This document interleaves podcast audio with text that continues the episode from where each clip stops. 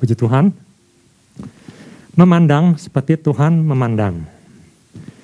Ya kita tahu bahwa Samuel sekali bernabi yang besar bisa salah melihat, bisa salah berprasangka dalam memilih calon raja.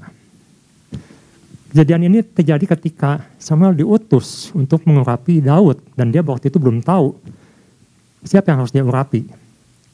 Karena Saul gagal menjadi raja pilihan Tuhan. Nah kita akan belajar hari ini sebenarnya sikap apa yang harus kita ambil, keputusan apa yang kita ambil supaya kita tidak mengulang kesalahan-kesalahan yang terjadi seperti yang sudah dicatat dalam Alkitab. Itu sebelumnya kita akan lihat dalam dunia ini ada satu falsafah. Ini dalam satu suku atau bagian tertentu di Indonesia ini ada satu prinsip atau falsafah yang dikenal dengan nama bibit, bebet, bobot. Mungkin ini bukan sesuatu yang baru, sesuatu yang lazim, sudah sering kita dengar. Saya ingin sedikit mengulas tentang ketiga hal ini. Ada yang disebut dengan bibit, bebet, bobot. Biasanya ini menjadi satu patokan ketika seseorang hendak mencari pasangan atau mencari menantu atau menyetujui seseorang untuk menjadi masuk dalam keluarganya Nah, mereka biasanya pakai tiga kriteria ini dan mereka, sebut bibit, bebet, dan bobot. Apa itu bibit? Katanya, ini sesuai yang saya baca di artikel Kompas, dikatakan katanya bibit itu adalah latar belakang keturunan calon. Apakah ini penting? Latar belakang. Atau mungkin sebagian di kita menganggap tidak penting. Kalau menurut saya ini penting Mengapa? Karena sejarah membuktikan bibit atau latar belakang keturunan ini penting ternyata. Pernah dicatat, ada satu penelitian tentang dua keturunan.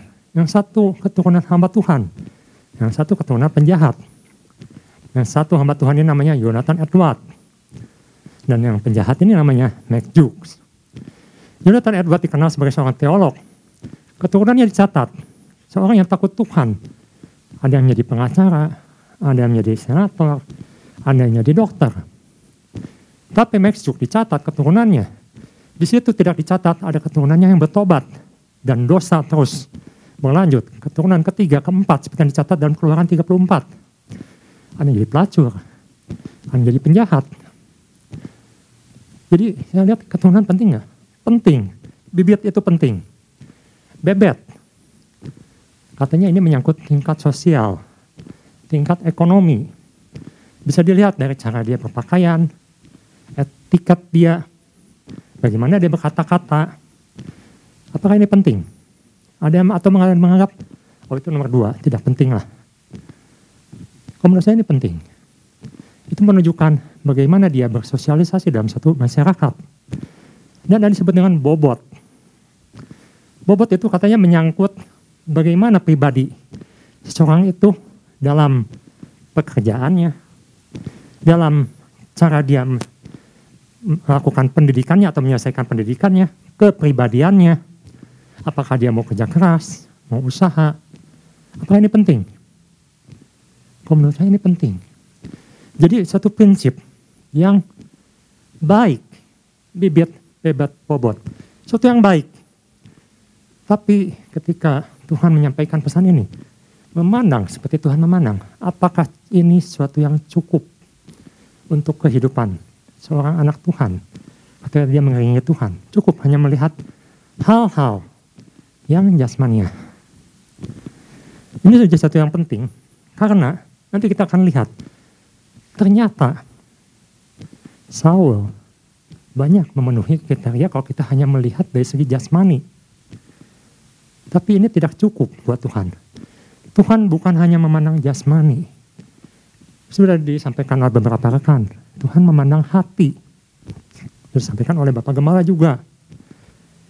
Jadi kita ingin melihat dan belajar pagi hari ini. Ada sesuatu yang lebih, lebih dalam, lebih penting di mana Tuhan mengutamakan hal itu. Yang pertama, Tuhan itu punya kriteria yang jauh melebihi hal-hal yang kita sudah sebutkan tadi. Bukan salah, itu satu yang penting yang kita sudah dengar tadi. Tapi ada yang kurang. Yang pertama, saya mendapatkan, ini juga saya dapatkan dari hasil dari pembicaraan atau diskusi dengan teman-teman selama komsel. Banyak saya dapatkan di situ. Yang pertama, supaya kita bisa memandang seperti Tuhan memandang, yang pertama, jangan fokus pada manusia. Manusia itu bisa berarti diri sendiri, bisa teman kita, bisa atasan kita, bisa keluarga kita, semua yang berhubungan dengan manusia. Tadi ketika awal saya katakan ada bibit, ada bebek, ada bobot. Itu adalah semua adalah hal-hal yang menyangkut manusia. Tapi kita belajar, kita lihat. Mengapa orang sekali bersaul bisa gagal dalam memenuhi panggilan Tuhan dalam hidupnya. Sehingga ia harus diganti oleh Daud yang Tuhan katakan orang ini berkenan kepadaku. Kalau kita lihat, suatu pandangan seperti ini saya banyak pakai Saul, uh, ibu bapak jangan bosan karena kita akan lihat satu kualitas lain dari Saul. Mungkin kita lebih banyak melihat sisi negatif. Betul, Saul itu banyak sisi negatifnya. Termasuk dalam akhir hidupnya dia memanggil arwah, kedukun, orang tenung. Satu titik nadir dalam hidup dia. Di mana dia sempat membunuh atau menghabisi semua orang-orang tenung. Tetapi dalam akhir hidupnya dia malah ke arah sana. Kita lihat di sini, suatu pandangan yang hanya melihat segi jasmani saja, itu sangat berbahaya. Seorang saudara kita di Komsel mengatakan, ini menyangkut humanisme. Apa itu humanisme? Humanisme adalah suatu filsafat atau suatu pemikiran yang mengedepankan nilai-nilai dan kedudukan manusia serta menjadikannya sebagai kriteria utama dalam segala hal. Jadi semua yang menyangkut tentang manusia itu ada satu yang terpenting. Itu satu prinsip dalam humanisme. Dan ini dilakukan oleh orang Israel. Ketika orang Israel meminta raja, dikatakan di situ, mereka menginginkan seorang raja seperti bangsa-bangsa lain. Sesuatu yang bisa dilihat, bisa diabdikan secara fisik, bisa memimpin secara fisik, ada yang disebut dengan raja, ada disebut dengan istana, semua itu adalah hal-hal fisik. Ini menjadi satu perenungan buat kita dalam kehidupan kita dan juga gereja. Apakah ini menjadi utama dalam kehidupan? Karena kita bisa lihat secara humanisme, Saul itu seorang yang sukses, orang yang hebat. Dikatakan sebelum Samuel mengurapi Daud, kalau kita lihat beberapa pasal sebelumnya di situ dikatakan Saul membebaskan orang Israel dari penindasan orang Filistin. Di situ dikatakan ada kepahlawanan Saul. Orang Filistin menjadi terganggu, menjadi takut karena orang Israel mempunyai raja sekarang yang memimpin. Dan raja ini dikatakan seorang pahlawan. Nanti kita akan lihat ayatnya. Ada ayat yang mengatakan Saul itu seorang pahlawan, seorang yang sukses dalam memimpin rakyat Israel melawan musuhnya. Dan dikatakan juga, Saul itu adalah pilihan. Dikatakan dia secara jasmani satu kepala lebih tinggi dari orang rata-rata di Israel saat itu. Dia punya keunggulan, dia punya kepemimpinan, dia punya sesuatu yang baik. Sayang, sesuatu yang baik ini tidak berlangsung lama. Kita bisa lihat di sini, ketika seorang hanya fokus pada segi jasmania atau manusia, di situ selalu tidak akan bertahan lama. Kita lihat sebenarnya Saul ini dipilih dari suku yang kecil. Itu pengakuannya sendiri. Suku Benyamin, suku yang terkecil. Di sini bukan artinya orangnya kecil-kecil. Dikatakan suku Benyamin itu banyak pahlawan, bahkan bisa memakai umban pakai tangan kiri, pahlawan yang luar biasa. Dan dikatakan di situ, dipilihlah melalui undian Saul dari suku Benyamin, suku yang jumlah orangnya paling sedikit karena dosa yang mereka lakukan saat masa lalu, dosa-dosa seksual dan melawan Tuhan. Dan dari suku yang terkecil ini dipilihlah, dikatakan di situ marga yang terkecil, suku Kis. Dan dikatakan di situlah Saul muncul. Dan dia katakan siapakah aku ini sehingga dipilih Tuhan. Jadi kita lihat ada sifat-sifat yang baik di awal ketika Saul dipilih menjadi pilihan untuk menjadi raja Israel. Nah, tetapi kita akan lihat ada sesuatu yang menarik yang Saul lakukan hanya tidak langsung lama. Dikirakan mungkin ada yang menafsirkan 2-3 tahun dia menjadi raja, hatinya berubah. Kita akan lihat di 1 Samuel pasal 15 ayat 15. Jadi Tuhan itu ingin menunjukkan pada kita bahwa ketika seorang memfokuskan yang utama itu adalah sisi manusia, kemanusiaan manusia, humanis, itu akan sangat berbahaya. Dan sejarah dan juga Alkitab membuktikan hanya membawa kegagalan. 1 Samuel pasal 15 ayat 15. Saul menjawab, semuanya itu dibawa daripada orang Amalek sebab rakyat menyelamatkan kambing domba dan lembu-lembu yang terbaik dengan maksud untuk mempersembahkan korban kepada Tuhan Allahmu.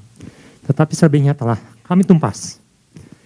Di sini ada perkataan, saya berikan yang terbaik. Untuk siapa? Untuk Tuhan. Jadi kalau kita katakan apakah Saul bukan orang yang baik, tanda kutip, dia orang baik. Dia, dia katakan, saya kerja untuk Tuhan. Kita lihat selanjutnya, ayat 20. 1 Samuel 15 ayat 20. Lalu kata Saul kepada Samuel, Aku memang mendengarkan suara Tuhan. Aku mendengarkan suara Tuhan. Dan mengikuti jalan yang telah disuruh Tuhan. Aku mengikuti jalan disuruh Tuhan kepadaku. Dan aku membawa agak aja orang Amalek. Tetapi orang Amalek itu sendiri telah kutumpas. Ini adalah alasan-alasan Saul yang nyatakan kepada Samuel. Ayat 21.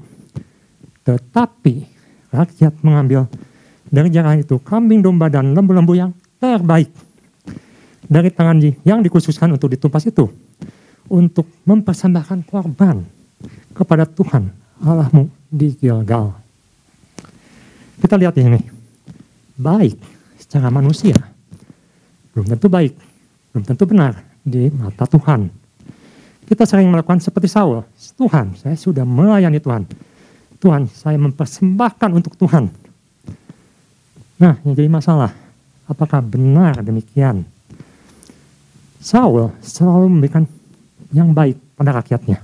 Kalau kita lihat, seperti di 1 Samuel pasal 15 ayat 24 di situ terlihat bahwa Saul itu melakukan semuanya. Dia termasuk raja yang cukup royal. Dia mau bagikan yang baik untuk rakyat dia.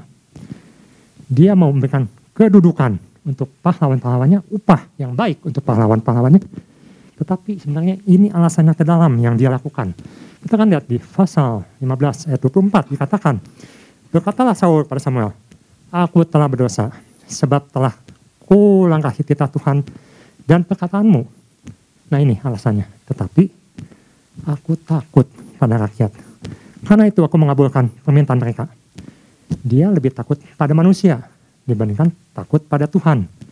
Itu adalah suatu keputusan yang Saul ambil sampai akhir hayat dia. Kita lihat di sini. Pesan ini membawa kita untuk berhati-hati. Karena kita selalu diperhadapkan dengan keputusan-keputusan yang harus kita ambil. Apakah keputusan kita untuk menyenangkan manusia atau untuk menyenangkan Tuhan? Mungkin kita pikir, Tuhan saya ini kan buat Tuhan, tapi dalam hati yang terdalam, karena saya ingin dilihat manusia. Ada seorang saudara waktu komsil dia katakan sesuatu yang membuat saya berpikir betul itu yang dia katakan. Dia katakan uh, ini pakai bahasa saya sendiri. Kurang lebih seperti ini isinya. Dia katakan saya takut katanya. Jangan-jangan suatu saya melayani, saya melayani untuk dilihat gembala saya melayani untuk dilihat ketua.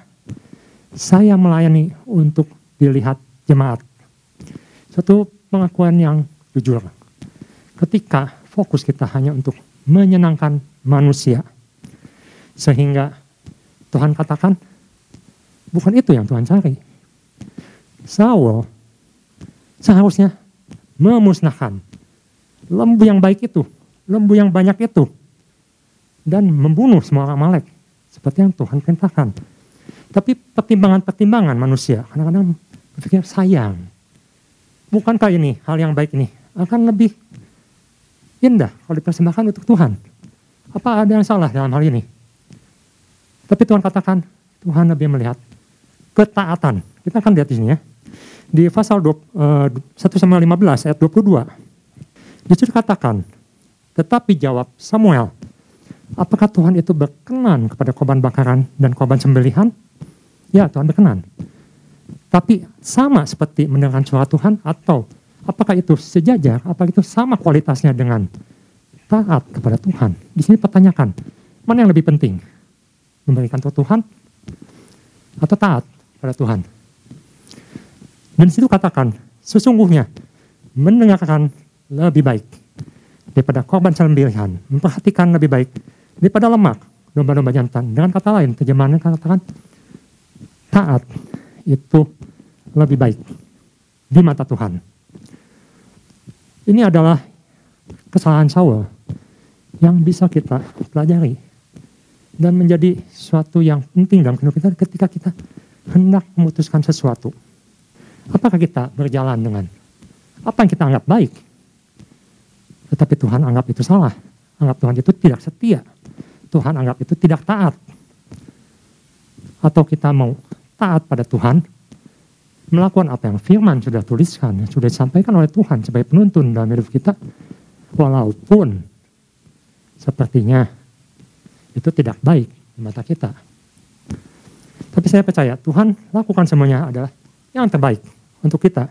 Walaupun mungkin menurut kita Tuhan sepertinya dia tidak baik. Tuhan tahu yang terbaik. Jadi ini fokus itu sangat penting pada fokus pada siapa kita tujukan. Ketika kita fokus pada manusia, orang akan mengatakan berbuatlah baik.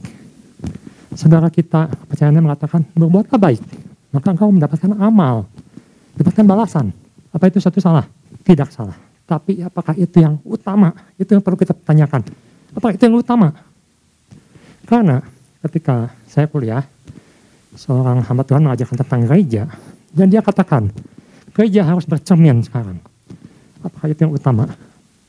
Kebaikan. Apa itu yang jadi utama yang Tuhan perintahkan? Atau Tuhan katakan taat, patuh pada firman Tuhan. Itu yang utama. Kebaikan tidak salah, tapi mana yang utama? Yang harus kita lakukan terlebih dahulu.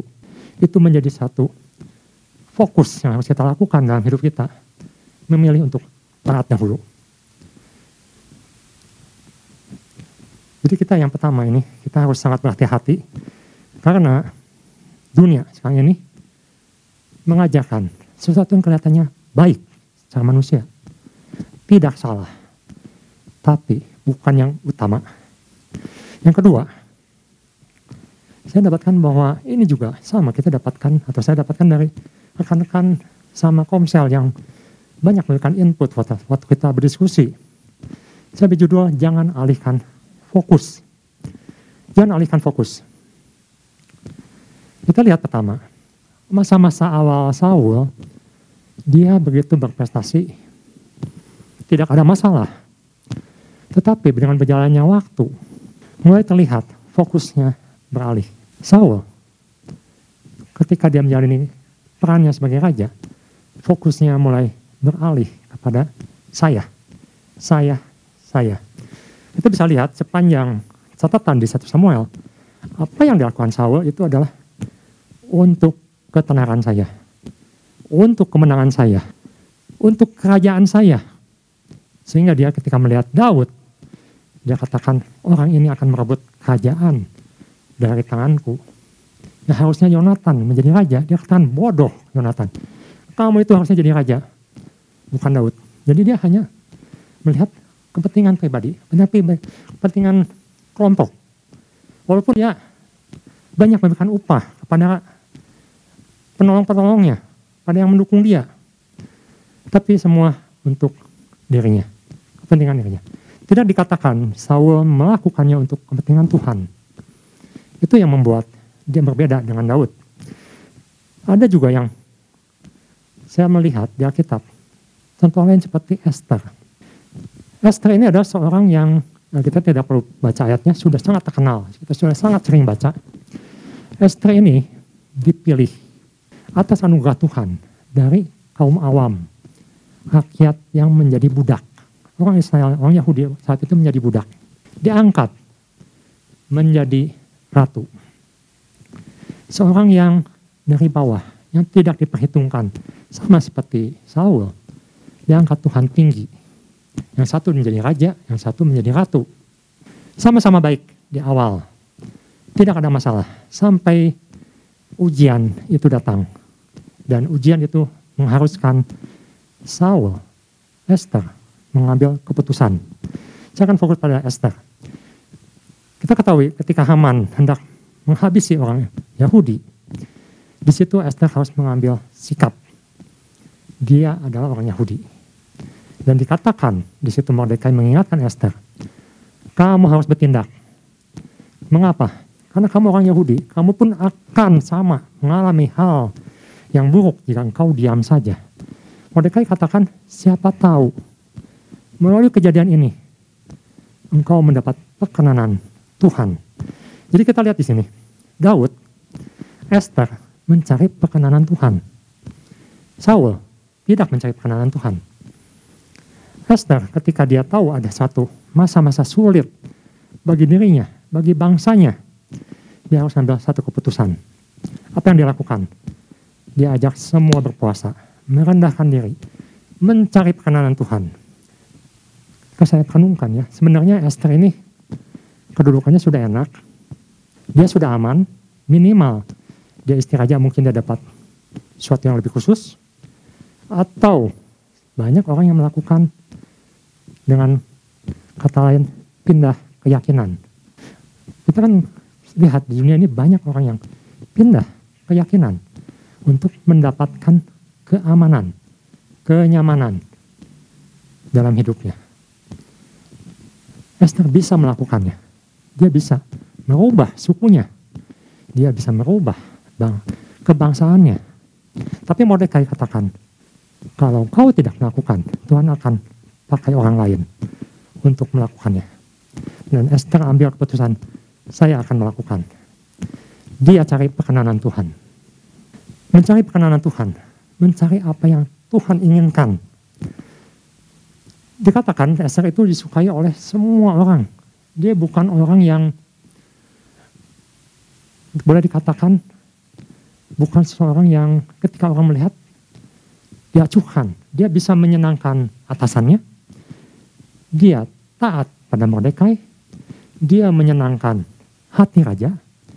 Jadi saya lihat saya ini menjadi satu sifat dia mencari perkenanan raja. Di sini maksudnya raja duniawi. Dia mencari perkenanan raja. Sesuatu yang luar biasa karena di situ Esther mempunyai saingan yang sangat banyak. Ratusan perempuan dibawa untuk raja pilih. Tapi mengapa dia terpilih? Ada anugerah Tuhan. Ada perkenanan raja. Itu yang dia cari, perkenanan raja. Bagi kita sebagai orang percaya, pertanyaannya, apakah kita juga mencari perkenanan raja? Saya, ibu bapak saudara. Apakah kita mencari perkenanan raja?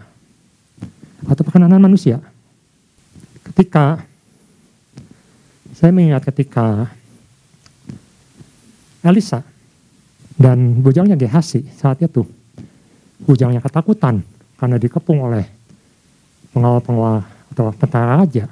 Kelihatannya Elisa tenang-tenang saja. Dan dia katakan, Gehasi, lihat, yang menyertai kita lebih banyak daripada mereka. Dan Tuhan bukakan kata Gehasi, dan dia melihat, Oh benar. Tuhan tidak diam. Tuhan tidak tidak maksudnya Tuhan tidak membiarkan umatnya begitu saja. Di pelajaran ini kita lihat bahwa Esther punya iman. Esther ingin memperkenan raja dan dia ingin ingin perkenan Tuhan dengan cara apa? Mencari perkenanan Tuhan, puasa, doa. Dan kita lihat Tuhan jawab, Tuhan bela. Dan ada kemenangan ketika orang berjalan bersama Tuhan. Tanyanya lagi, apakah ini cukup sampai di situ? Apakah kita cukup puas dengan kemenangan yang Tuhan berikan dengan perkenanan Tuhan ini? Apakah itu disebut dengan perkenanan Tuhan? Mari kita lihat di Matius pasal 26 ayat 53 sampai 54. Matius pasal 26 ayat 53 sampai 54. Atau kau sangka ini adalah Yesus mengatakan di Getsemani bahwa aku tidak dapat berseru pada Bapakku supaya ia segera mengirim lebih dari 12 pasukan malaikat membantu aku ayat 54. Jika begitu, bagaimanakah akan digenapi?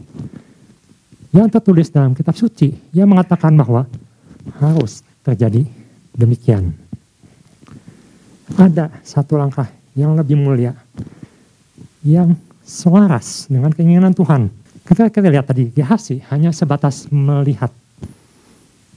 Tetapi Yesus tunduk, Yesus taat kepada rencana Tuhan. Yesus melihat inilah yang Tuhan inginkan. Inilah yang Tuhan rencanakan dalam hidupnya yang harus dia lakukan. Jadi ini satu langkah yang lebih jauh lagi.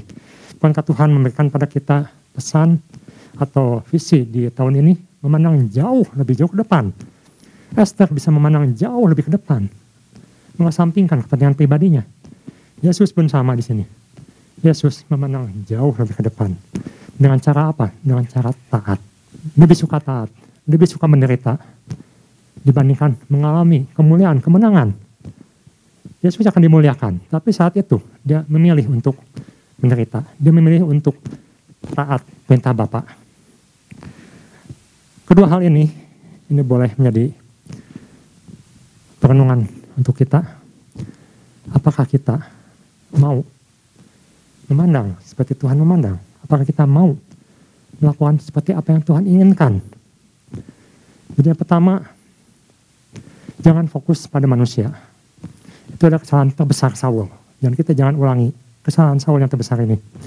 Dan yang kedua adalah jangan alihkan fokus. Kita terus fokuskan mata kita kepada Tuhan dan mengikuti apa yang Tuhan inginkan. Kita belajar taat untuk apa yang Tuhan inginkan dalam hidup kita dan ambil keputusan yang tepat Kayaknya sekian firman Tuhan. Tuhan Yesus memberkati.